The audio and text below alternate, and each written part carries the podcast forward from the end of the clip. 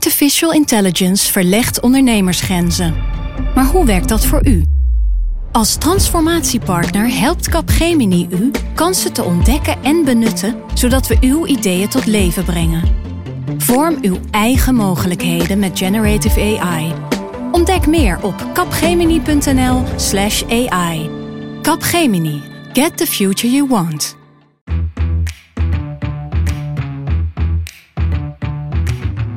Dit is Haagse Zaken van NRC. Mijn naam is Lemja Aharon. Heel lang lukte het niet en was er ook geen politieke meerderheid voor, maar in relatief korte tijd lukte het alsnog. Bedrijven moeten meer vrouwen in de top aanstellen. De Tweede Kamer stemde voor een verplicht vrouwenquotum. Raden van commissarissen moeten in de toekomst voor een derde uit vrouwen bestaan. Deze week stemde de Tweede Kamer voor een vrouwenquotum dat alleen geldt voor de commissarissen van de 88 beursgenoteerde bedrijven die Nederland telt. In deze Haagse zaak hoor je hoe sommige politieke partijen van mening veranderden over de noodzaak van zo'n quotum. Je hoort wat die maatregel precies inhoudt. En we kijken ook eventjes hoe het hier in Den Haag is geregeld. Doet de Tweede Kamer eigenlijk ook wat het nu gaat vragen van bedrijven? Daarvoor zijn aangeschoven Marike Stellinga. Jij schreef uh, tien jaar geleden een boek over dit onderwerp, De mythe van het glazen plafond. Ja. En daarin schreef je onder meer dat uh, Nederlandse vrouwen niet naar de top willen. Ja, nou ja, dat er een grote reden is om te denken dat dat niet op die massale manier gebeurt als we nu uh, bij een vrouwenquotum wordt voorgesteld. Dus dat 50-50 wordt of 30 procent. Ja, dat, ik had daar grote twijfels bij. Ik zei toen wat pittiger dan nu. Ja, aha. Is er een verandering van inzicht geweest nou ja, Je wordt tien eh? jaar ouder en dan krijg je ook gewoon mildheid over je, denk ik. Ja, nee, maar het is heel interessant om ook te zien hoe in die tien jaar de discussie zich heeft ontwikkeld. En dat er ook veel meer vrouwen zijn, bijvoorbeeld uit het bedrijfsleven, die er nu voor pleiten. En dat was tien jaar geleden een stuk minder. Claudia Kammer, dit is uh, jouw debuut in uh, Haagse Zaken. Sommige luisteraars zullen je naam misschien wel kennen van de krant. Maar voor zij die jou nog niet kennen, waar schrijf jij vooral over? Ik heb de afgelopen tijd veel geschreven over vrouwen in de politiek. Uh, omdat het dit jaar 100 jaar algemeen kiesrecht was. Dus ook kiesrecht voor vrouwen. En de laatste tijd heb ik ook veel geschreven over het vrouwenquotum. En ik ben ook de plaatsvervangend chef van de politieke redactie. Nog een debutant, Annemarie Sterk. Jij schrijft voor de economieredactie. Ja, klopt. Ik heb niet zo'n indrukwekkend lijstje als Claudia. Maar ik schrijf ook veel over het uh, vrouwenquotum en veel over emancipatie en diversiteit in het bedrijfsleven. We beginnen uh, in Den Haag, want uh, daar gebeurde het uh, deze week. Of laat ik het zo zeggen, daar kwam deze week een einde aan een langlopende discussie, voorlopig einde. Claudia, die discussie over het vrouwenquotum lijkt in relatief korte tijd in een grote versnelling te zijn gekomen. Jet Bussemaker, dus de voorganger van Ingrid van Engelshoven, de huidige minister die erover gaat, die begon er eigenlijk al mee in 2014. Hè? Ja, dat klopt. Um, zij uh, heeft toen ook al wat pittige woorden gesproken. Zij, deed een, zij had een interview um, bij ons in de krant samen met Hans de Boer. Uh, waarin ze zei dat ze vond dat er meer vrouwen aan de top van het bedrijfsleven moesten komen. Um, dat wilde ze eerst nog met zachte hand doen. Dus met een streefcijfer. maar als het niet zou gebeuren, zei ze, uh, dan ga ik toch echt, dan moeten we hard gaan ingrijpen. Misschien wel een quotum. Waar geen wil is, is een wet, zei ze bij ons in 2014. En ze dreigde ook eventjes daadwerkelijk met een quotum. Als deze cijfers zo blijven. Dan ontstaat er een druk op uh, om quota in te voeren. En daar ben ik geen voorstander van. Maar het bedrijfsleven moet mij wel helpen om ook de argumenten te presenteren tegen quota. Dat quotum dat kwam er uiteindelijk niet in haar periode. Uh, schreef toen uh, in een brief aan de Kamer dat bedrijven, uh, maar ook een meerderheid van de vrouwen er eigenlijk helemaal geen hel in zagen. Toen bleef het heel lang stil. En toen kwam daar D66-minister Ingrid van Engelshoven. En die schreef vorig jaar in maart een brief aan de Tweede Kamer. Ja, zij had eigenlijk een opdracht meegekregen van haar partij. Een opdracht van het partijcongres. Er was een motie aangenomen en er werd een oproep gedaan aan de top van D66 om zich in te spannen voor een quotum. Dus dat zat in het achterhoofd van Van Engelshoven. Zij heeft in maart uh, 2018 een brief gestuurd aan de Tweede Kamer... waarin ze schreef hoe staat het nu met vrouwen aan de top.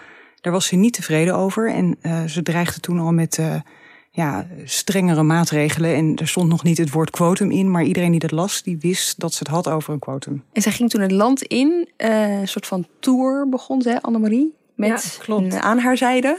Hans de Boer, ja. uiteraard. Die uh, er steun en toeverlaat uh, is hierin. Hij is de baas hè, van VNO-NCW. Ja, dat is weer de Belangenvereniging voor... Uh... Voor werkgevers, ja.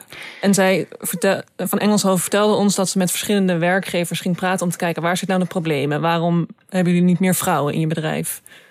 waar kunnen we bij helpen? En hoe kunnen we jullie overtuigen om toch er echt werk van te maken? En tegelijkertijd, dus die tour, die, dat is één spoor waar, waar, ze, waar ze mee begon. Maar tegelijkertijd ging ze samen met minister Koolmees van Sociale Zaken. vroeg ze een onderzoek aan bij de Sociaal-Economische Raad. Ja, ze had wel door dat het moeilijk ging worden om binnen het kabinet uh, een quotum te regelen. Want de andere partijen waren uh, tegen en eigenlijk haar eigen partij officieel ook nog. Dus toen heeft ze een slimme omweg bedacht. En dat was uh, advies aanvragen van de, bij de Sociaal-Economische Raad. Uh, waarin de werkgevers, de vakcentrales en onafhankelijke deskundigen praten met elkaar um, over diversiteit aan de top. Breed advies. Daar wilden dus ook de andere uh, coalitiepartijen die tegen een quotum waren, wilden dit wel. En dat heeft ze dus in juni 2018 eh, aangevraagd. En daar is een uh, jaar lang over gepraat in de SER. Ja, en waar vroeg ze nou precies naar? Want ze vroeg, kwam het woordje quotum nou voor in haar vraag überhaupt? Ik heb hem hier voor me liggen. De belangrijkste vraag die ze stelde uh, was eigenlijk alleen maar... wat kan Nederland doen om meer culturele en genderdiversiteit te bereiken... in de top van het bedrijfsleven? En als je dan ver doorleest, dan komt dat quotum nog wel ergens voor. Maar het was zo breed gesteld dat je niet meteen ja, dacht, uh, dat gaat alleen over een quotum. Marietje, je hebt hier heel veel over geschreven. Dacht jij nou bij, de, bij, bij het aanvragen van dit onderzoek... heb je het überhaupt meegekregen? Dan dacht je van, nu komt het? Uh, ik heb het meegekregen, maar ik dacht niet, nu komt het. Het was al heel lang natuurlijk dat he, die streefcijfers waren er. Dreigementen vanuit de politiek ook. Het moet nu beter, het moet sneller. Uh, dat kwam af en aan op. Maar ja, toen de SER in september zei... met inclusief het bedrijfsleven wij stellen een heel breed pakket voor aan van alles en nog wat om die diversiteit te verhogen. Maar onderdeel daarvan was een quotum. Toen dacht ik wel, ja, nu is het klaar. Want als het bedrijfsleven er zelf om gaat vragen, en dan gaat de politiek natuurlijk om. Ja, ja, en wat natuurlijk ook uh, op een bepaalde manier meehielp, is uh, van Engelshoven is op een gegeven moment ook gaan nemen en shamen van bedrijven. Die is gewoon uh, op BNR bijvoorbeeld de namen gaan noemen van bedrijven die niet voldeden aan überhaupt de streefcijfers. Ja, dat was met Internationale Vrouwendag. Als ik het goed heb dit jaar, maar kijk even naar Claudia. Ja, dat klopt. Volgens mij was het dit jaar. Uh, toen heeft ze inderdaad een soort ranglijst bekendgemaakt van deze bedrijven doen het echt nog te slecht. Nou, er zijn een aantal uh, bedrijven die het uh, gelukkig ook heel goed doen. Hè? DSM, Heineken, maar er zijn helaas ook bedrijven die het minder goed doen. KPN, ING, Ahold, daar gebeurt nog echt te weinig. Uh, ik had vorig jaar al gezegd dat mijn geduld opraakt en dat ik, als het niet opschiet, uh, zou gaan nemen en shamen. Nou, dat doen we uh, vandaag, omdat we moeten echt laten zien dat bedrijven het wel kunnen, want die zijn er, maar dat er ook heel veel bedrijven zijn die er gewoon te weinig aan doen. Wat deden die bedrijven toen ze dit hoorden? ja, die gingen natuurlijk meteen aan de lijn bij de minister van... hé, hey, wat is dit nou? Maar de grap is natuurlijk dat deze cijfers gewoon al lang openbaar zijn. Iedereen kan het opzoeken. Het is alleen nooit zo in een ranglijst gepresenteerd. Door een minister ook Door een minister. En dat heeft, maakt kennelijk toch wel uit. En uh, ik kreeg het idee dat ze daar zelf ook over verba verbaasd over was. Dat het zoveel uitmaakte dat zij publiekelijk daar iets over zei. En wat ook leuk was, dat ze bij die presentatie uh, nog een soort smoezen bingo en zo hebben gedaan. Waarbij alle smoezen die uh, langskwamen van bedrijven. Nou, noem maar eens een paar. Nou ja, um, we kunnen ze niet vinden. Oh, dat was de belangrijkste ja. eigenlijk. Hè? Dat ja. hebben we nog meer gehoord. Nou, nou zo van vrouwen willen niet in de techniek werken, bijvoorbeeld. Dat is ook een veel gehoorde. Of er zijn gewoon uh, te weinig vrouwen in de pijplijn. Ze willen niet, ze blijven thuis zitten. Nou ja.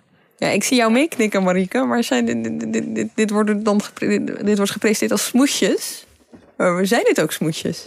Uh, ja, het zijn in zekere zin smoesjes. Want volgens mij zijn er genoeg vrouwen te vinden. En je ziet ook dat in, uh, op momenten dat bijvoorbeeld zoals in Duitsland... Hè, dat vertelde een commissaris in, ja. in, je, in je, uh, jouw stuk, Annemarie... over ja, op het moment dat er in Duitsland dan een quotum komt, dan opeens kunnen ze die vrouwen wel vinden. En dan waren die commissarissen heel verbaasd van, oh, ze zijn er wel. Dus tuurlijk kan je vrouwen vinden. Er zijn genoeg vrouwen. Daar gaat het volgens mij niet om. Ze zijn er ook omdat uh, Bussenmaker toen nog een uh, grote database zelf speciaal hiervoor heeft aangelegd. Toch, Claudia? Ja, ja er is een database uh, topvrouwen. Die is, dacht ik, in 2014 of 2015 opgericht. Er stonden er eerst iets van 800 in. Uh, de VVD wilde daar eigenlijk uh, niet aan. Dus die uh, hadden een motie ingediend om hem tegen te houden. Die is ook aangenomen door de Kamer. Maar die heeft busmaker gewoon opzij geschoven en toch die database ingevoerd. Daar staan nu 2000 topvrouwen in. Die vierden, was het vorige week, hun ja, jaarlijkse evenement. En dan komen een heleboel vrouwen uit de top van het bedrijfsleven, ook mannen overigens, die komen dan ja, met elkaar vieren dat nou, dat, dat, dat ze bestaan. Wat mooi dat jij er bent. het is wel leuk om ook even te zeggen dat die vrouwen dan board ready worden genoemd. Dus het idee is van, zij, als ze nu gebeld worden, kunnen zij een uh, commissarisfunctie vervullen of een bestuurder worden ergens. Het zijn niet de minste. Ja.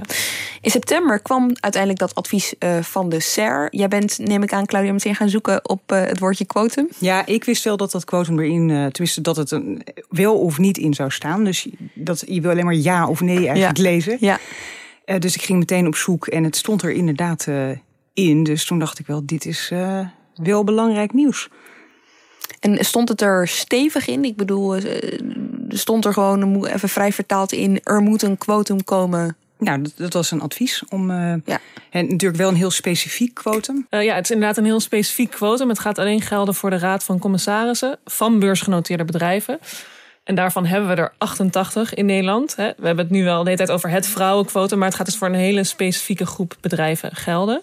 En dus ook niet voor bestuurders. Als je wel eens een topman in de media hoort of aan het woord uh, is, dat zijn niet de mensen voor wie het quotum nu gaat gelden over het algemeen.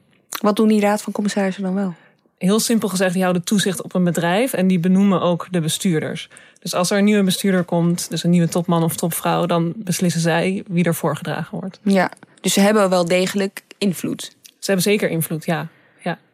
Maar ze zijn niet het gezicht. Ze zijn niet het gezicht van een bedrijf. Maar ja, volgens mij, Merit Hamer, dat is de voorzitter van de SER, um, is het wel de top van de top. De, hè, de, de raad van ja, het argument van de SER ja. is, omdat zij over die benoemingen gaan, uh, kunnen ze dus ook zo invloed uitoefenen op wie er in een bestuur terechtkomt. En het bestuur heeft vervolgens weer invloed op wie er in de rest van de managementlagen werkt. Een trickle-down effect eigenlijk. Ja, en zij zien ook toe op het functioneren van de raad van bestuur.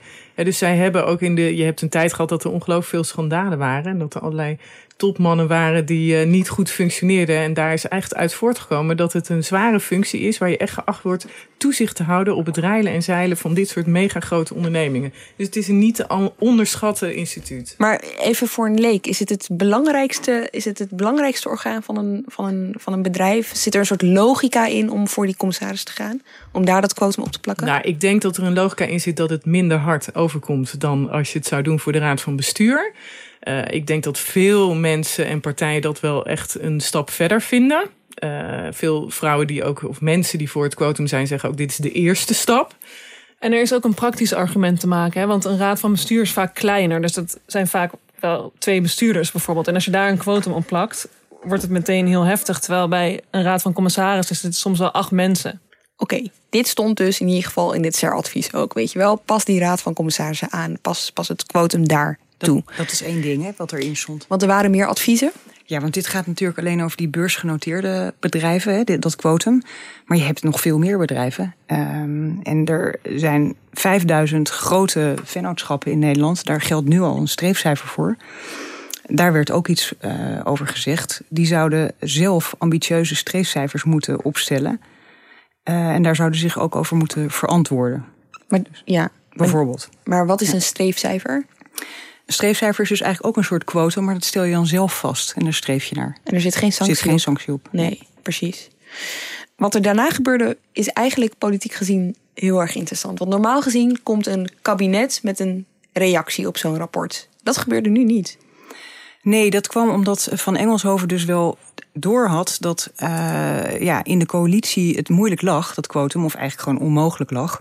Dus als zij nu meteen ging reageren, dan was het antwoord: we doen geen quotum, punt. Maar ze had wel, uh, door natuurlijk veel gesprekken te voeren, uh, begrepen inmiddels dat er misschien wat mogelijk was via de Tweede Kamer. Want daar had je al uh, de PvdA en GroenLinks die langere tijd voor een quotum waren, al heel lang. Er zat ook misschien beweging bij het CDA. En dan waren er ook nog wat kleinere partijen die ze misschien mee kon krijgen. Dus um, ze heeft eerst gewacht tot de Tweede Kamer met een uh, standpunt kwam. Eigenlijk heel strategisch. Ik denk dat het heel strategisch is geweest. Ja.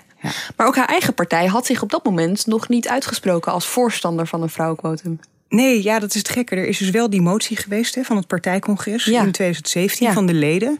Dat kwam voort uit eh, het vrouwennetwerk van D66. Els Borst-netwerk. Het Els Borst-netwerk, inderdaad. En, maar officieel was de partij nog steeds niet voor een, eh, een quotum. Eh, toen is in september, na dat CER-advies, is de eh, D66-fractie naar voren gekomen. En die kwamen eigenlijk met een eigen quotum. Dat zag er ook weer heel anders uit. Ja, daar was niemand echt heel erg verbaasd over. Maar het was toch een signaal van, eh, eigenlijk wil D66 dit. Dus nou gaat er misschien toch iets gebeuren. Dat gebeurde in een interview bij jou hè, met Vera Bergkamp, D66-Kamerlid. En wat was haar argument om nu ineens wel voor te zijn? Nou, zij vond, eh, dat was eigenlijk een heel dualistisch argument. Ze zei, nou, het mag dan zo zijn dat eh, het kabinet het niet gaat doen. En, eh, maar we hebben ook nog een Tweede Kamer. En wij hebben onze eigen rol. Dus wij, wij gaan nu eh, daarvoor strijden, samen met andere partijen. Dus D66 was om, maar het CDA was op dat moment nog niet om. Nee, dat klopt. Nee, nog in eh, juni was het volgens mij, is er een eh, overleg in de Kamer geweest over emancipatiebeleid. Nou, daar was heel duidelijk dat PvdA en GroenLinks dan voor waren. D66 toen nog niet. Het CDA was zelfs vrij uitgesproken tegen ingrijpen van de overheid in het bedrijfsleven. Eh, Juni, dus- dat is echt zes maanden ja, geleden. dat is nog. niet zo heel lang Ja. geleden. Nee. Ja. En wat is in de tussentijd gebeurd? Want inmiddels kunnen we verklappen, het is geen verrassing meer, zijn ze wel voorstander. Ja, nou ja, wat er gebeurd is, is dus het CER-advies. Ja. Dat is eh belang. En dan ook wel gesprekken achter, de, eh, achter gesloten deuren, zeg maar. Van mensen van D66 met mensen van, ehm, van het CDA. Daar is gepolst. Hoe staan jullie erin? Eh, ja, we weten uit betrouwbare bronnen dat eh, bijvoorbeeld Mona Keizer, die, ja, die is geradicaliseerd, zoals ze zelf eh, zegt. Nou, mijn partij is tegen quota. En dat ben ik zelf eh, ook. Maar ik voel wel dat ik aan het radicaliseren ben. Oh, Ehm, maar ik, het gaat niet snel genoeg. Dus Of het nou over de politiek gaat of over het bedrijfsleven gaat. Ehm, de, de- afgelopen jaar zijn er, weet ik veel, twintig CEO's benoemd. Allemaal weer mannen.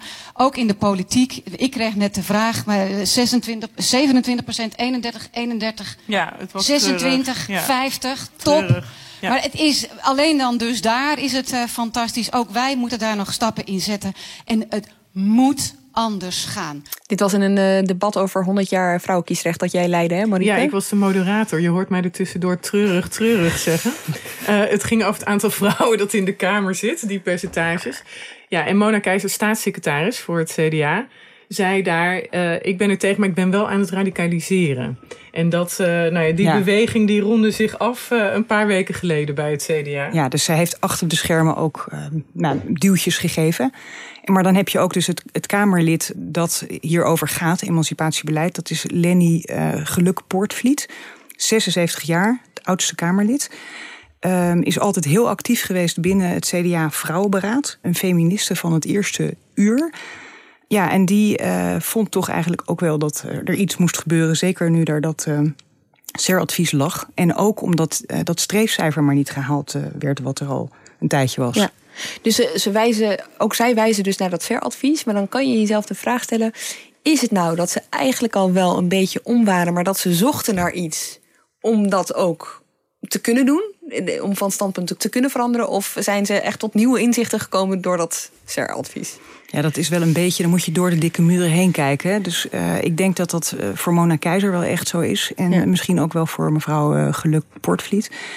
Het heeft ook een logica. ja. Want als het bedrijfsleven hier nou fel tegen zou zijn. en ook heel veel vrouwen uit het bedrijfsleven. dan zit je toch met een hele andere situatie. dan als het bedrijfsleven zelf met een advies komt. leg ons een quotum op. Ja. Ja, het maatschappelijk middenveld is natuurlijk heel erg belangrijk voor het CDA altijd geweest. Dus de SER is daar echt een, een- ja, een exponent van, zeg maar. Overigens is dat, dat nog een component waar we niet eens echt op ingezoomd zijn. Maar inderdaad, het zijn die werkgevers zelf die, die dus eh, onderdeel zijn geweest van, het, van dat CER-advies. En dit kwam dan van Hans de Boer. De man die altijd vervent opkomt voor het grote bedrijfsleven. De man die tegen de CO2-heffing was. Die voor het afschaffen van de dividendbelasting was. Die man zei nu, doe mij een quotum voor vrouwen in de top. Ja, dat is natuurlijk heel moeilijk om te negeren.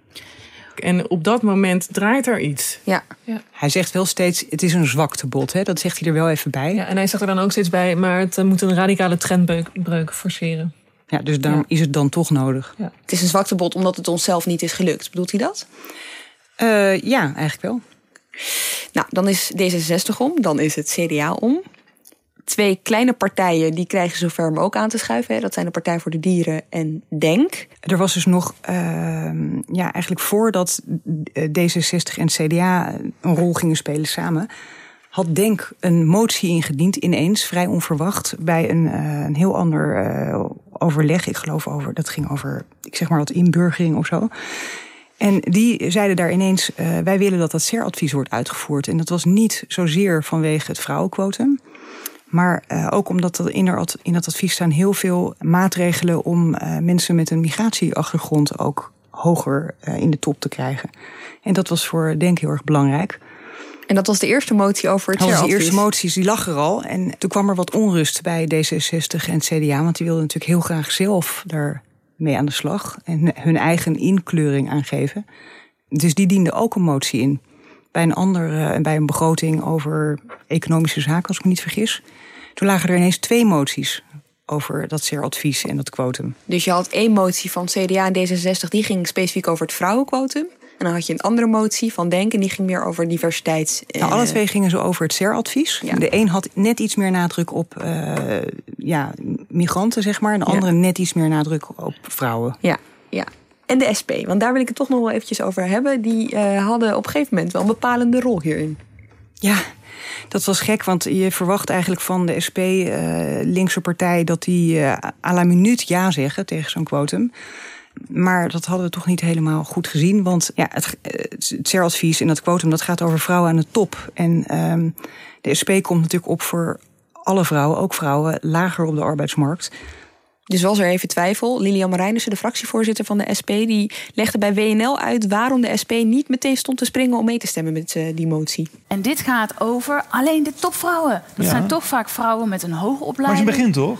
Dat is zeker een begin. Maar wij willen niet dat dat een excuus is om vervolgens dat er niks meer gebeurt. Wij willen dat er gelijke kansen zijn voor alle vrouwen. En dan moet je het hebben over bijvoorbeeld de betaalbaarheid van kinderopvang. zodat alle vrouwen die willen werken ook kunnen begin. Je werken. kan hier toch gewoon voorstellen dan als SP en dan vervolgens doorgaan. Ik, ik snap de, de aarzeling Nou ja, niet. omdat wij het belangrijk vinden dat er dan ook een toezegging komt dat er wat gebeurt voor alle vrouwen. Dus niet alleen voor eh, wat regelen voor de vrouwen aan de top in de boardroom, is hartstikke belangrijk. Maar we willen dat er voor alle vrouwen kansengelijkheid is. En als je bijvoorbeeld ziet dat je nu inderdaad, als je een dag werkt voor het minimumloon, verdien je minder dan dat wat het je kost om je kind een dag naar de kinderopvang te brengen. Ja, sorry hoor, maar als je dan praat over we willen gelijke kansen voor vrouwen op de arbeidsmarkt voor alle vrouwen, nou dan moeten we ook Snap dat soort ik. dingen willen aanpakken en niet alleen praten over vrouwen aan de top. Dus die was er best wel stevig over, Marijnissen. Werd het ook echt spannend? Eh, ja, want er zou gestemd worden op een dinsdag over die eh, motie van eh, CDA en D66. En toen zag het er even naar uit dat SP dus tegen zou gaan stemmen. Toen hebben ze die motie aangehouden. En zijn ze gaan onderhandelen met de SP van wat willen jullie dan precies? En dat heeft er dus in geresulteerd dat er ehm, bij, het, bij de begrotingsbehandeling van sociale zaken een motie is ingediend door SP en D66 samen. Waarin stond dat eh, ja, mannen en vrouwen dezelfde kansen moeten krijgen als ehm, overal. En dat er een plan van aanpak moest worden gemaakt door de regering. ehm, waarin ook dat CER-advies werd betrokken. En zo ging Maar de SP dus God- toch mee. Ja, en dat gold voor alle vrouwen. Dus eh, hoog of laag op de arbeidsmarkt. 87 Kamerleden stemden uiteindelijk voor deze dinsdag. En daarmee was de motie aangenomen, in ieder geval in de Tweede Kamer. Maar dat betekent dat er dus ook best wel wat partijen tegen waren, waaronder een coalitiepartij. De Ja, VVD. de VVD. En ChristenUnie En de ChristenUnie ook. Die zijn wat minder, hebben zich wat minder erover uitgesproken. Maar de VVD heeft er met name het woord over gevoerd. En maandag nog was er een eh, wetgevingsoverleg. Toen is er fel over dat CER-advies eh, gedebatteerd. En het Tweede Kamerlid dat erover ging, eh, ja, heeft toen nog eens alle argumenten opgenoemd waarom ze er tegen zijn. Zohar Al-Yassini is dat. Hè? En eh, eh, hoe zou je dat samenvatten? Waarom zijn ze nou echt tegen? Nou, ten eerste natuurlijk omdat ja, de overheid niet in de vrije markt, in het bedrijfsleven moet ingrijpen. Ten tweede ook, als bedrijven het zo graag willen, waarom doen ze het dan niet gewoon, die vrouwen aanstellen aan de top? En ehm, hij had ook nog een heel specifiek argument. Uh, hij heeft zelf een uh, Marokkaanse achtergrond. En hij zei: Stel dat mijn broer nu uh, naar de top wil, een topfunctie ambieert. En dan aanklopt en dan mag je niet naar binnen omdat er vrouwen voorgaan. Hoe doen we dat dan? En ja, daarop zegt de Kamer dan, of de, de voorstanders zeggen: Ja, dat is zo'n theoretisch uh, probleem. Het komt zo weinig voor eigenlijk. We wouden dat we dit probleem hadden. Kwamen er maar mannen zoals jouw broer voor, uh, voor die functies? Ja. Betekent dit nu dat uh, we uh, op 1 januari 2020 dat ineens een quotum geldt? Nee, hè? zo snel gaat het niet. De Eerste Kamer moet er nog over stemmen. Er moet zelfs nog eerst een kabinetsreactie weer komen. Ja. Het is echt nog een heel traag proces. Hoe zijn de rollen eigenlijk verdeeld in de Eerste Kamer? Is daar, is daar een meerderheid voor? Als dezelfde partijen nu voorstemmen, die uh, ook in de Tweede Kamer voor hebben gestemd, dan is er een meerderheid voor. Ja. ja. En ik hoorde al een VVD-senator op de radio, Mirjam de Bleekoer, die al heel lang hier ook voor pleit. Die ooit in het uh, actiegroepje Women on Top zat, volgens mij. Die al vele jaren geleden, meer dan tien jaar geleden, voor een vrouwenquotum pleitte. Uh, een groepje van Helene Mees onder andere. Die zei, ik ga voorstemmen. En volgens mij zijn er meer vrouwen van de VVD die gaan voorstemmen in de Eerste Kamer. Dus dat... Uh, hey, dat is interessant. Dat kan nog interessant worden hoe de verhoudingen daar liggen. Het zou helemaal mooi zijn als dan ook de mannen van de VVD in de Eerste Kamer blijken voor te stemmen. Ja, ze zijn niet onmiddellijk dat ze, dat, dat, dat niet ging gebeuren. Dus uh, who knows? Wie weet. Ja. ja. Oké, okay, terug naar die maatregel. Wat hij nou eigenlijk precies gaat uh, doen, Annemarie. Want je legt er net al uit voor wie die geldt. Om hoeveel plekken gaat het?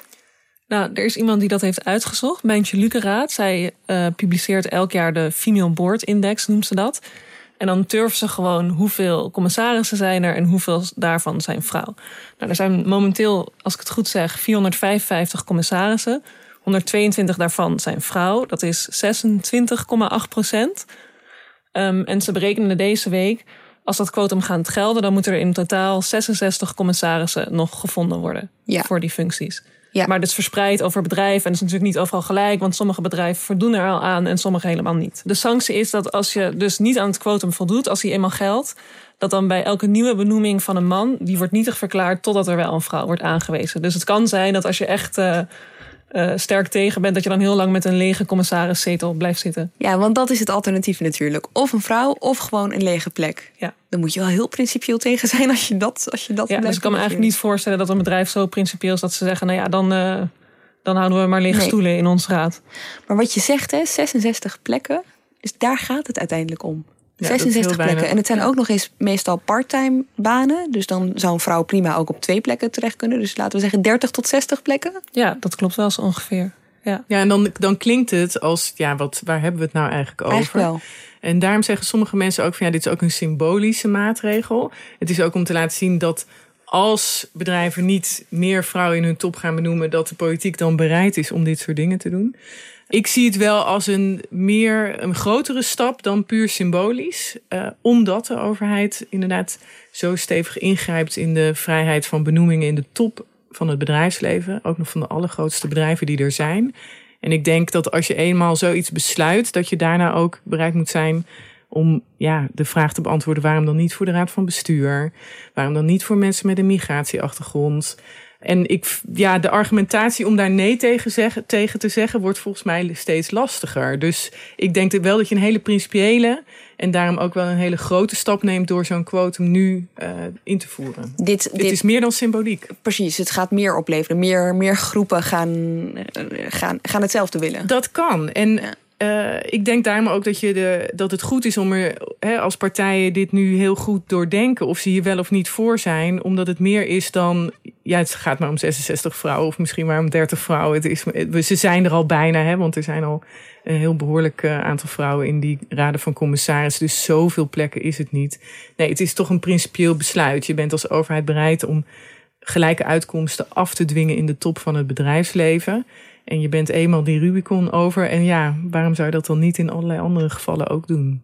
Hoe zit het nou eigenlijk met die 5000 andere bedrijven dan? Die vennootschapsbedrijven waar je het net over had, wat toch ook wel grote bedrijven zijn. Ja, daar gold dus al een streefcijfer voor, waar we het eerder even over hebben gehad. Dus op zich was er al een soort verplichting, alleen zat er geen sanctie aan verbonden. Dat je 30% vrouwen in je raad van bestuur en van commissarissen moest hebben. Weet jij of er iets is veranderd in die tijd? Dat Nou ja, het is wel toegenomen, maar mondjesmaat. Maar je ziet zowel bij bestuurders als bij, eh, eh, als bij commissarissen wel een stijgende lijn. 1 procentpunt per jaar herinner ik me zoiets, toch? Ja, en Ja. bij commissarissen is het iets sneller gegaan dan bij bestuurders. En bij bestuurders is ook een paar jaar een beetje stilstand geweest. Maar we zitten in principe weer in de lijn eh, omhoog. En nu heeft de CR voorgesteld om voor die 5000 grootste bedrijven... eh, dat ze wel een streefcijfer moeten formuleren... maar dat ze dat zelf mogen doen. Ja, nog. En dat noemen ze dan een ambitieus streefcijfer. Dus je moet wel een beetje hoog inzetten. Je mag niet eh, het zetten op het aantal vrouwen dat je al in je organisatie hebt.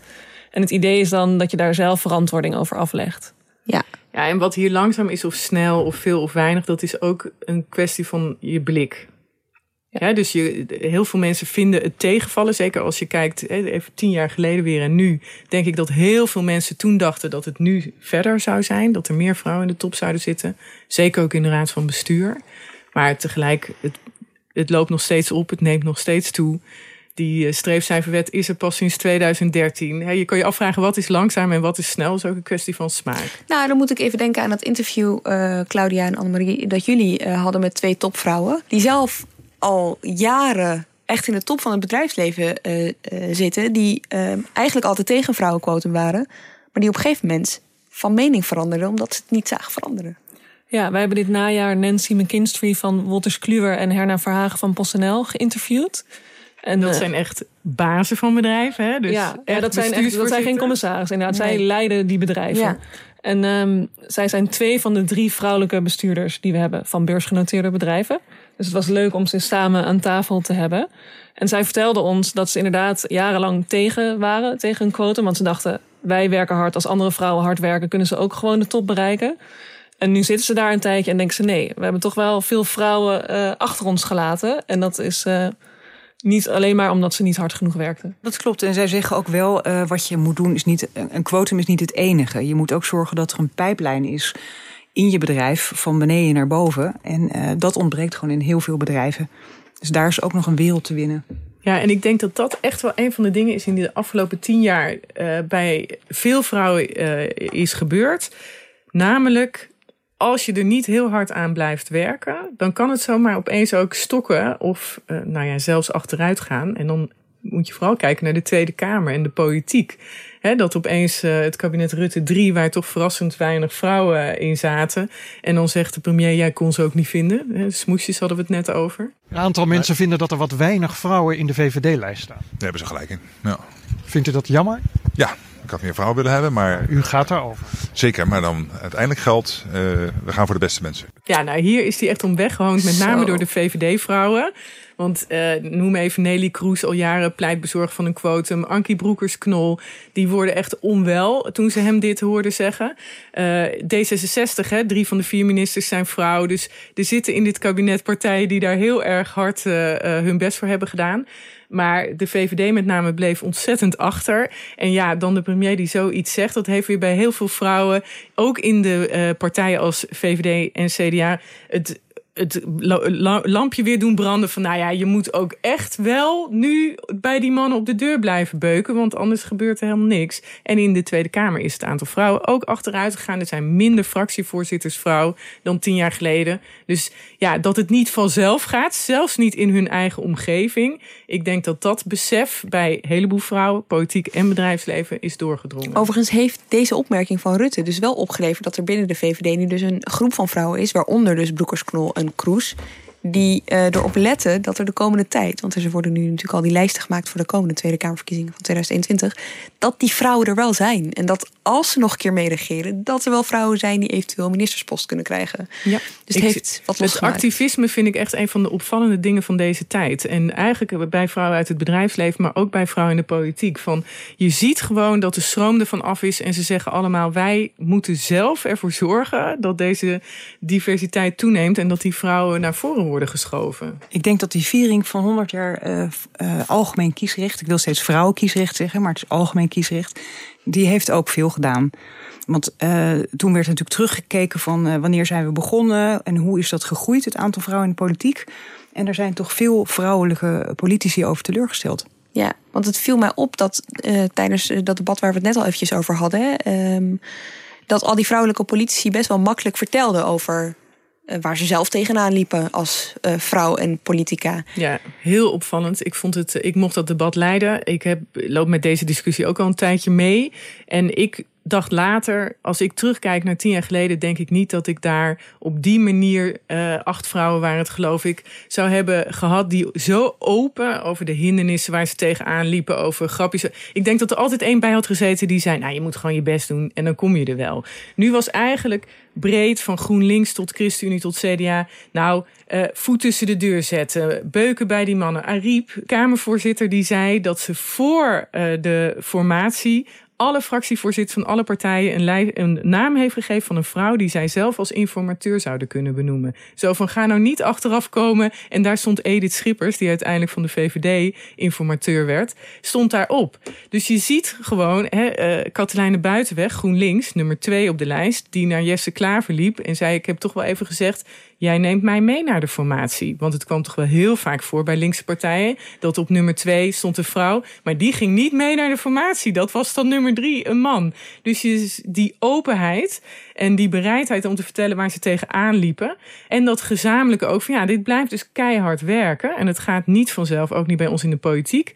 Die vond ik echt verrassend. En uh, dacht ik, ja, daar is toch echt iets veranderd in de afgelopen tien jaar. Zie je dat ook in het bedrijfsleven, Annemarie? Wordt er op een andere manier over gepraat, ook door vrouwen zelf? Nou, ik vond wel dat, hè, ik bedoel, ik heb uh, niet alle vrouwen in het bedrijfsleven gesproken. Niet? Oh. maar toen we, hè, we noemden het net al, het interview met McKinsey en Verhagen, vond ik dat zij ook best wel open waren over de obstakels die ze waren tegengekomen. Hè. Terwijl normaal verwacht je bij topmensen, die zijn een beetje terughoudend als ze met journalisten praten, want allemaal gevoelige informatie. Maar dit was wel echt een onderwerp waarover ze best wel openhartig waren, vond ik. Mm -hmm. Ja, ze vertelde ook over hoe ze dat privé dan uh, hadden aangepakt en zo. En hoe, hoe moeilijk het in het begin was. McKinsey vertelde dat aan het begin van haar carrière was ze, uh, ik geloof, werkte ze bij een advocatenkantoor. En toen is ze minder gaan werken omdat haar kinderen jong waren. En toen zei ze, ja, toen kwam ik erachter dat ik gewoon precies hetzelfde werk deed. Alleen kreeg ik er minder voor betaald. Ze zei, dat was echt een wijze les om dus nooit uh, een dag minder te gaan werken. Wat ik, wat ik, wat ik me nog wel afvraag is, uh, want we hebben het nu steeds over 30% Waar komt dat getal eigenlijk vandaan, 30 Zit daar een soort van basis onder? Ja, ik denk dat het in hoge mate arbitrair is. Hè. Het is een keus. Uh, en ik heb wel eens het argument gehoord van... ja, je hebt een derde van de vrouwen nodig in een team... om niet meer als vrouw gezien te worden, maar als individu. Hè. Want dan heb je Annemarie en Claudia en Marieke en Lemja... dat zijn gewoon vier hele verschillende vrouwen. Dan kom je erachter dat ze niet allemaal hetzelfde zijn, vrouwen. Um, maar ik denk als je kijkt naar de verhouding tussen het aantal vrouwen in Nederland dat voltijds werkt en zo'n percentage, dat het best hoog is. Hè? Een kwart van de Nederlandse vrouw werkt voltijds. Nou ja, je kan hierover discussiëren, maar wat mij betreft, als je naar de top van het bedrijfsleven wil, de top van de top van de top, dan werk je voltijds. Dus drie kwart van de vrouw werkt niet voltijds. Exact. En dan is zo'n verhouding, hè, de, uh, 25% werkt voltijds, 30% in de top is vrouw, impliceert dat je uit een dat een vrouw een wat grotere kans heeft op zo'n functie dan een man die voltijds werkt. Ja, ik, ik vind dat allemaal best ver gaan. Maar goed, het is arbitrair. Je zou het percentage ook kunnen omdraaien. Dat hoor ik wetenschappers wel eens zeggen. We hebben het steeds over een vrouwenquotum van 30 procent. Je kunt ook zeggen een mannenquotum van 70 procent. Dan klinkt het heel anders. Ja. De oude streefcijferwet.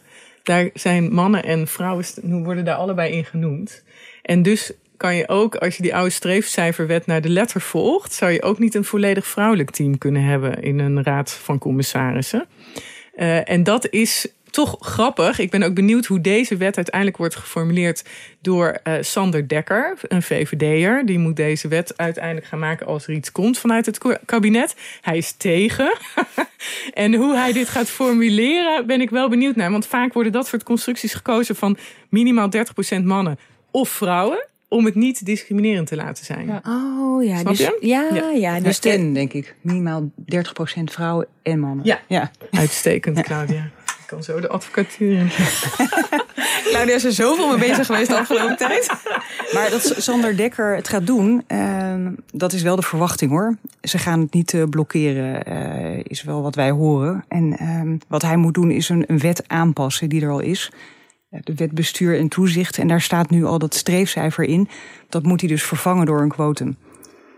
En het is ook nog wel interessant hoe de praktische uitwerking precies gaat zijn. Van, want vanaf wanneer gaat het gelden bijvoorbeeld? En vooral wie gaat er toezien op hè, dat inderdaad iedereen zich aan het quotum houdt? En wie gaat vervolgens die sanctie opleggen? Uh, dat is uh, nu allemaal nog niet duidelijk. Oké, okay, Sander Dekker die mag dat voor zichzelf gaan uitzoeken uh, hoe, die, hoe, die dat gaat doen, hoe die dat gaat doen. Maar als we even kijken naar het buitenland. Ik bedoel, we zijn niet de allereerste die aan zo'n vrouwenquotum gaan beginnen. Wordt er vaak gekeken naar Noorwegen? Ja, zeker. Daar hebben ze het quotum eigenlijk al veel langer. Het is ingevoerd in 2008 uh, met sancties. Uh, daarvoor bestond het al, maar er had nog geen sancties. En daar is het 40 procent. Daar werd toen heel veel van verwacht. Er was ook heel veel discussie, bijvoorbeeld ook over of al die vrouwen wel te vinden waren. En nou, daar is van alles gebeurd sindsdien. Er zijn bedrijven van de beurs afgegaan, want daar werd niet de, bleef niet de bestuursstoel leeg, maar werd de naamloze vennootschap opgeheven. Dus wow. werd je gewoon van de beurs afgestuurd. Ja, was ook niet uh, kinderachtig. Um, en nou ja, veel discussie. Nu zijn er een paar evaluaties geweest van Noorwegen. Die zijn wel al een paar jaar ouder. Maar daaruit is bijvoorbeeld gebleken dat de kwalificatie van die vrouwen lag hoog. Hè. Dus ze waren gemiddeld hoger opgeleid dan de vrouwen die bijvoorbeeld daarvoor er zaten. Dus wat dat betreft zijn allerlei vrezen niet uitgekomen. Uh, die daar toen in Noorwegen te horen waren. Maar er is één heel groot positief effect ook niet uitgekomen. En dat is dat het door zou sijpelen die vrouwen in de raden van commissarissen, wat hier in Nederland ook de redenering is, dat het door zou sijpelen naar meer vrouwen in de raad van bestuur of veel meer vrouwen in de raad van bestuur. En vooral ook veel meer vrouwen in de lagen daaronder. Dus in die pijplijn, in die aanvoer van diversiteit. Waar Annemarie het net over had, die trickle-down effect, ja, dat, dat effect. Ja. En dat is er daar eigenlijk ook uh, nauwelijks waar te nemen in dat, wat, in dat onderzoek wat wel een paar jaar oud is. Dus ik ben ook wel benieuwd naar hoe het hier de, laatste jaren is verlopen daar. Dus ja, die positieve effecten ervan, die zie je ook niet. En dat is ook wat een van die onderzoeksters die dat uh, uh, had onderzocht zei. Ja, ik ben er ook niet verbaasd over, want het verandert niet de mechanismes achter waarom er minder vrouwen in de top komen. Het verandert niet waarom die vrouwen niet omhoog komen. Weet je wel? De cultuur het is toch, eigenlijk. Ja, zij zegt het heeft vooral heel veel effect gehad op de vrouwen die zijn benoemd. Ja. Daar heeft het effect het quotum op, op zichzelf werkt. Het natuurlijk, ja. want als er een sanctie Ja. is, dan werkt het. Het dwang werkt. Hè? Dat eh, kan je uit de overheid eh, is dwang nogal effectief. Ehm, Maar dat komt misschien ook omdat er een beetje een gekke aanname achter zit. Dat een vrouw toch wel eerder zou gaan voor een vrouw. Nou ja, dat kan. Ja, vrouwen. Er zitten een aantal aannames achter. Namelijk dat mannen dan opeens inzien: hé, hey, die vrouwen zijn er wel. Dus ik ga nu anders Het denken. functioneert. Eh, of dat vrouwen vrouwen benoemen. Dat wordt ook heel vaak gezegd. Mensen benoemen eh, mensen die op elkaar lijken. En daarom benoemen mannen geen vrouwen. Ja, ik vind dat altijd een ingewikkelde redenering, moeilijk te controleren redeneringen. Maar goed, je hebt dus hier een geval in de praktijk. En daar zijn toch een aantal dingen niet gelopen zoals gehoopt. Dus ik denk, hier komt een quotum. Maar dat het nog steeds, als je niet blijft werken aan diversiteit, verandert er alleen iets in die raad van commissarissen. En aan die pijplijn, hè, waar die topvrouwen het over hadden. Ik denk dat dat misschien in Noorwegen ook wel een probleem was. Ja, maar, dat, ja. maar het is dus Ja. tien jaar nu verder. Mhm. En die pijplijn is ook niet Nee, daar moet je aan werken, bedoel ik. Ja, precies. Dat ja. gaat niet vanzelf. Nee. nee. En een quotum gaat dat ook niet regelen. Nee, en vrouwen in de raad van commissarissen gaan dat kennelijk ook niet zomaar veroorzaken. Wat je natuurlijk wel ziet bij sollicitaties bijvoorbeeld, is dat mensen, daar, daar is ook onderzoek naar gedaan, dat mensen dan vaak wel iemand aannemen die op ze lijkt. Dus dat is denk ik ook de gedachte die bij zo'n quotum zit. Je benoemt sneller iemand die op je lijkt. Dus bij vrouwen zullen dat vrouwen zijn. Maar goed, dat is dus in Noorwegen Niet zo gebleken. niet zo gebleken. Nee, en in mijn Terwijl tijd dat ik topvrouwen hierover interviewde, dat is dus tien jaar geleden, eh, was er een hele een aantal vrouwen die zeiden van ja, maar als ik kijk naar diversiteit. En ik heb een raad van bestuur waar de helft man is en de helft vrouw. Maar ze hebben allemaal eh, in Leiden eh, rechten gestudeerd. En Ja. ze zaten er allemaal bij het koor. Dan heb ik geen diverse raad van bestuur. Ook al is het 50-50 man-vrouw. Ja. Ik heb pas een diverse raad van bestuur met misschien net iets minder vrouwen. Maar dan zit wel iemand eh, uit het buitenland. Er zit iemand die heeft iets heel anders gestudeerd. Er zit iemand uit Groningen. Iemand met een migratieachtergrond. Dus wat is diversiteit? En dat is natuurlijk het wezenlijke, de wezenlijke kwestie die hiervoor ligt. Seksen is een maatstaf voor diversiteit. Maar als je iemand reduceert tot zijn seksen, ben je ook weer in zekere zin terug bij af. Want wij zijn vier hele andere vrouwen. Ehm, en ja, je benoemt mij niet omdat ik een vrouw ben. Je benoemt mij omdat ik goed ben in economie. Of omdat ik heel erg eh, enthousiasmerend eh, kan praten. Ik noem gewoon wat random dingen. Het kan, maar, maar het kan toch ook, het kan toch ook allebei? Je kan toch ook. Op, natuurlijk ben je op zoek naar iemand die heel goed is. eh, vooral als het om zo'n top, topfunctie gaat. Ja. Maar je kan toch tegelijkertijd ook zoeken naar een vrouw. Het kan toch Nou, wel en een dat is factor wel van precies dat betekenis zijn. het punt dat bedrijven zelf ook maken hoor. Ik heb met verschillende voorzitters van eh, raden van commissaris gesproken. En die zeggen ook. eh, gender is belangrijk, hè? dus je wil een goede man-vrouw verdeling hebben, maar daar stopt het niet. We zoeken ook inderdaad, wat Marieke net zei, naar verschillende studies, verschillende nationaliteiten, andere eh, diversiteitskenmerken. Leeftijd is ook een belangrijke. Dat je niet alleen maar mensen van 60 plus hebt, maar ook eens een keer een commissaris van eh 40 bijvoorbeeld. Ja, en hier, je, dat is waar. Hè? Het is één van de maatstaven. Het is dus ook gewoon belangrijk. Maar het is zo absoluut. En dat is, ik heb toen in die tijd ook gekeken naar hoe er in de Verenigde Staten over quota is nagedacht. Hè, voor eh, zwarte mensen aan de universiteit. Een paar keer gedaan. Hè, dat universiteiten zeiden: we nemen gewoon zoveel mensen aan die eh, zwart zijn, omdat we vinden dat daar een eh, misstand is recht te zetten. Dat is uitgevochten tot en met de Supreme Court. En daar is eigenlijk alleen overeind gehouden als het een extra punt opleverde, je achtergrond. Niet als het 16% zwarte studenten was. Want dan werd het beoordeeld als discriminatie. Omdat je, iemand, omdat je selecteert op basis van ras. Dus het is, in die zin kan je hier eindeloos over discussiëren. En is het ook echt wel een kwestie van hoe je kijkt naar de wereld. Of wat je, hoe je het weegt. Of je dit het waard vindt om te doen. Of dat je het toch vrij bruut vindt. Of eh, rudimentair.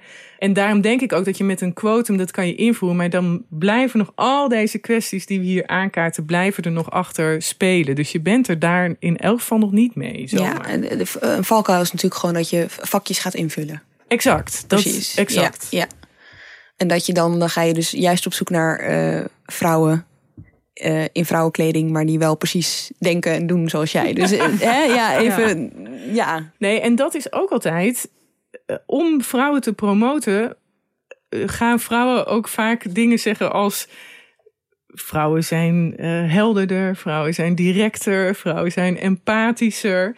Hè, dan worden vrouwen allemaal eigenschappen toegedicht. Waarvan ik dacht, denk, altijd denk, ho, ho, ho, ho, ho. Dat was ook met de financiële crisis, toch? Dat ze zeiden, als er vrouwen de banken hadden geleid, dan eh, was er geen was er geen crisis Zeggen ze geweest. soms ook over de wereld, hè? Als er al meer vrouwelijke eh premiers Ja. zouden zijn, dan Zou er nooit meer oorlog. Dan zou er minder oorlog zijn. Toen hadden we natuurlijk de vrouwelijke premier in de jaren tachtig, Margaret Thatcher. Ja. Die begon direct een oorlog. Dus dat eh, is, vond ik dan weer heerlijk om die soort vooroordelen of die beelden van vrouwen te bestrijden. Dus Ja. dat helpt vrouwen vooruit door vrouwen bepaalde eigenschappen toe te dichten. En dan denk ik altijd, ja, maar het hele idee was toch van het feminisme dat ik niet meer als vrouw werd gezien, maar als individu.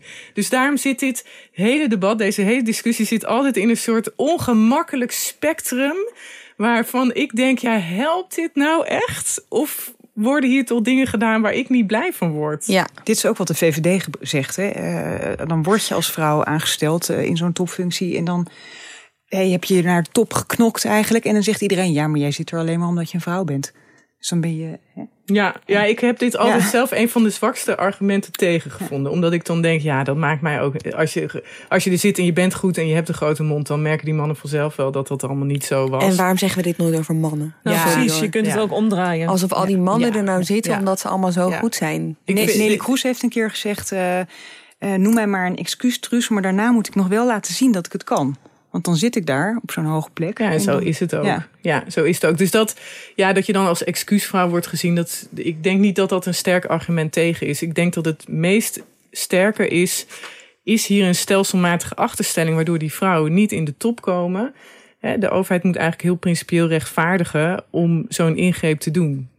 En ik denk nog dat, dat er nog te veel reden is, eh, en misschien wel in vrije keuze van vrouwen, die ertoe leidt dat ze niet in die mate nog in de top zitten. We hebben het net al eventjes over de politiek gehad. En daar wil ik eigenlijk eh, ook even mee eindigen.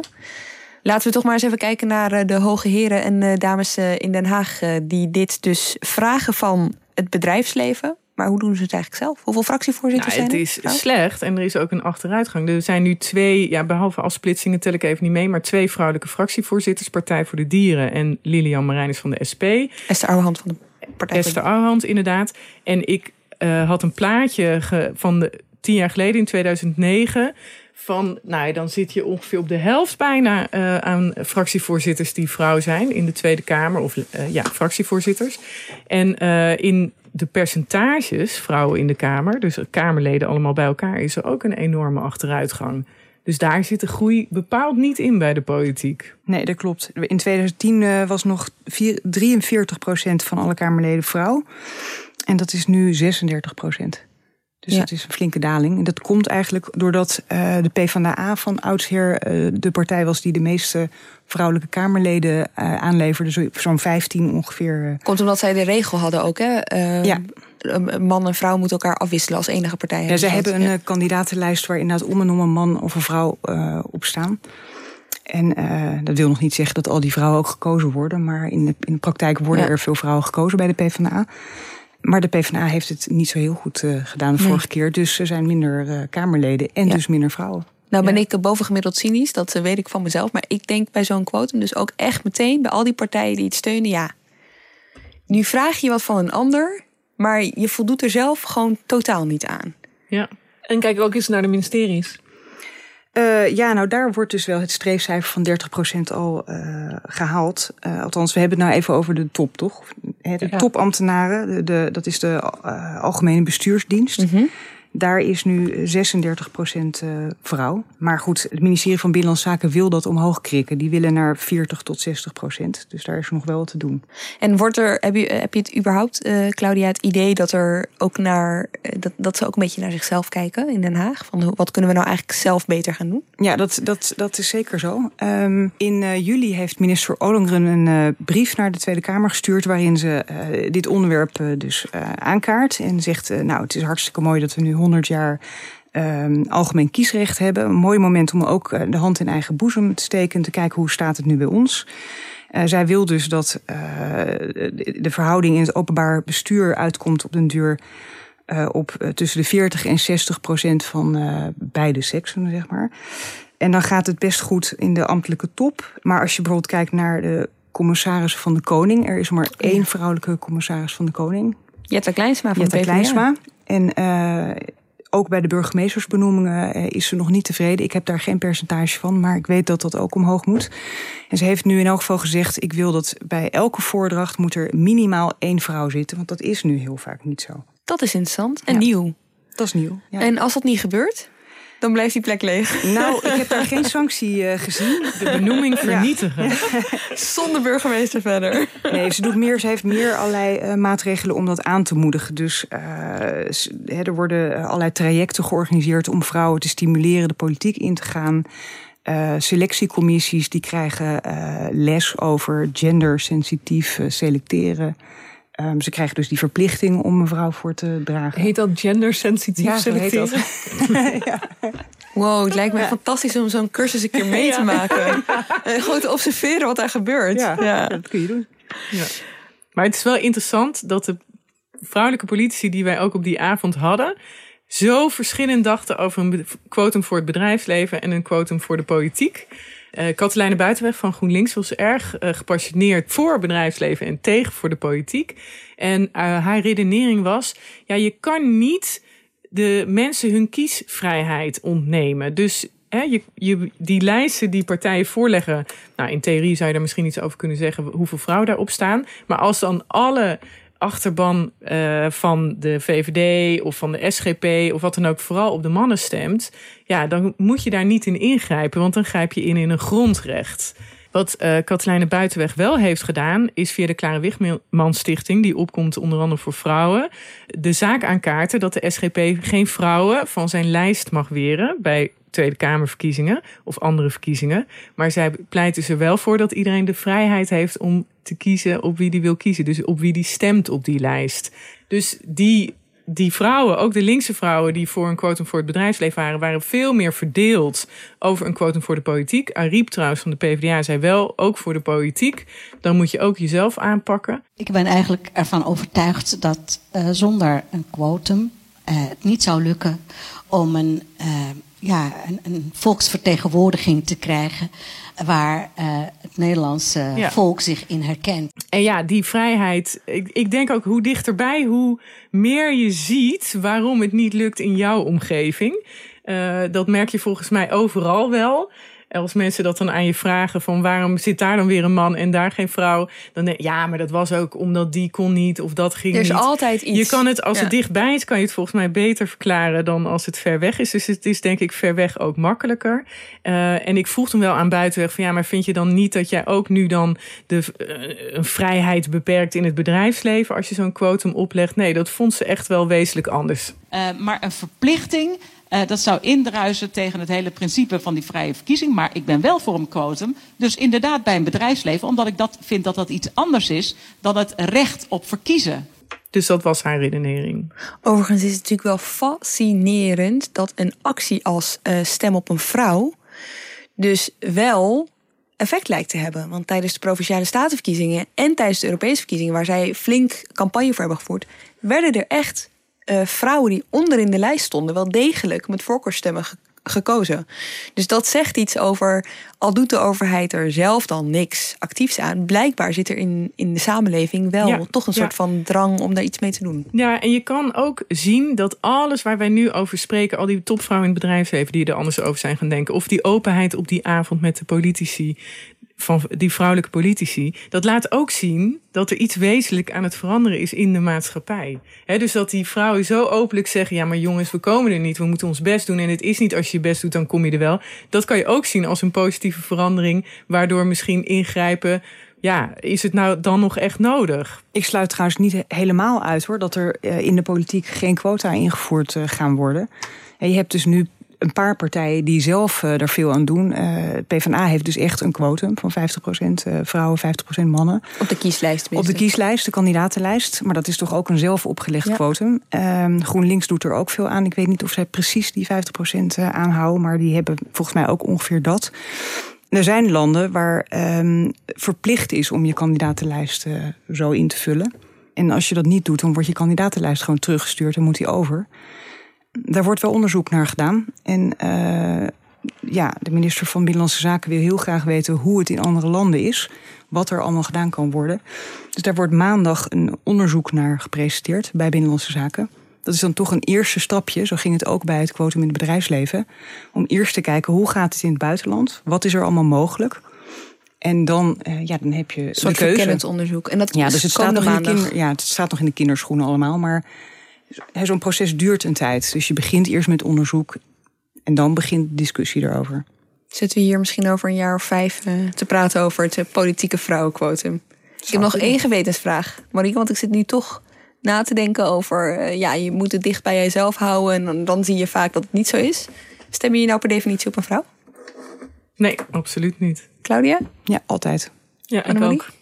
En jij? Ook. ook. Echt? Ja. Maar waarom? Is er nooit een man waar je het mee- meer mee eens bent? Ja, daar vind je niet echt kwaliteit. Die zijn er niet. ja. Dank jullie wel. Marieke Stellinga, Claudia Kammer en Annemarie Sterk. Deze aflevering werd geproduceerd door Iris Verhulstonk. Volgende week dan eh, zit ik hier weer met een nieuwe aflevering van Haagse Zaken. Tot dan.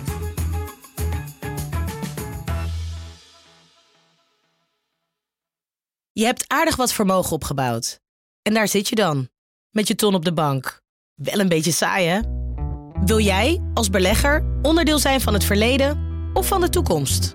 Bridgefund is een slimme fintech die een brug slaat tussen de financiële behoeften van ondernemers en van beleggers. Dus wie belegt bij Bridgefund krijgt niet alleen een mooie vaste rente, maar brengt ook ondernemers in beweging. Echt waar, met die ton kan je zoveel betere dingen doen. Bridgefund. Make money smile.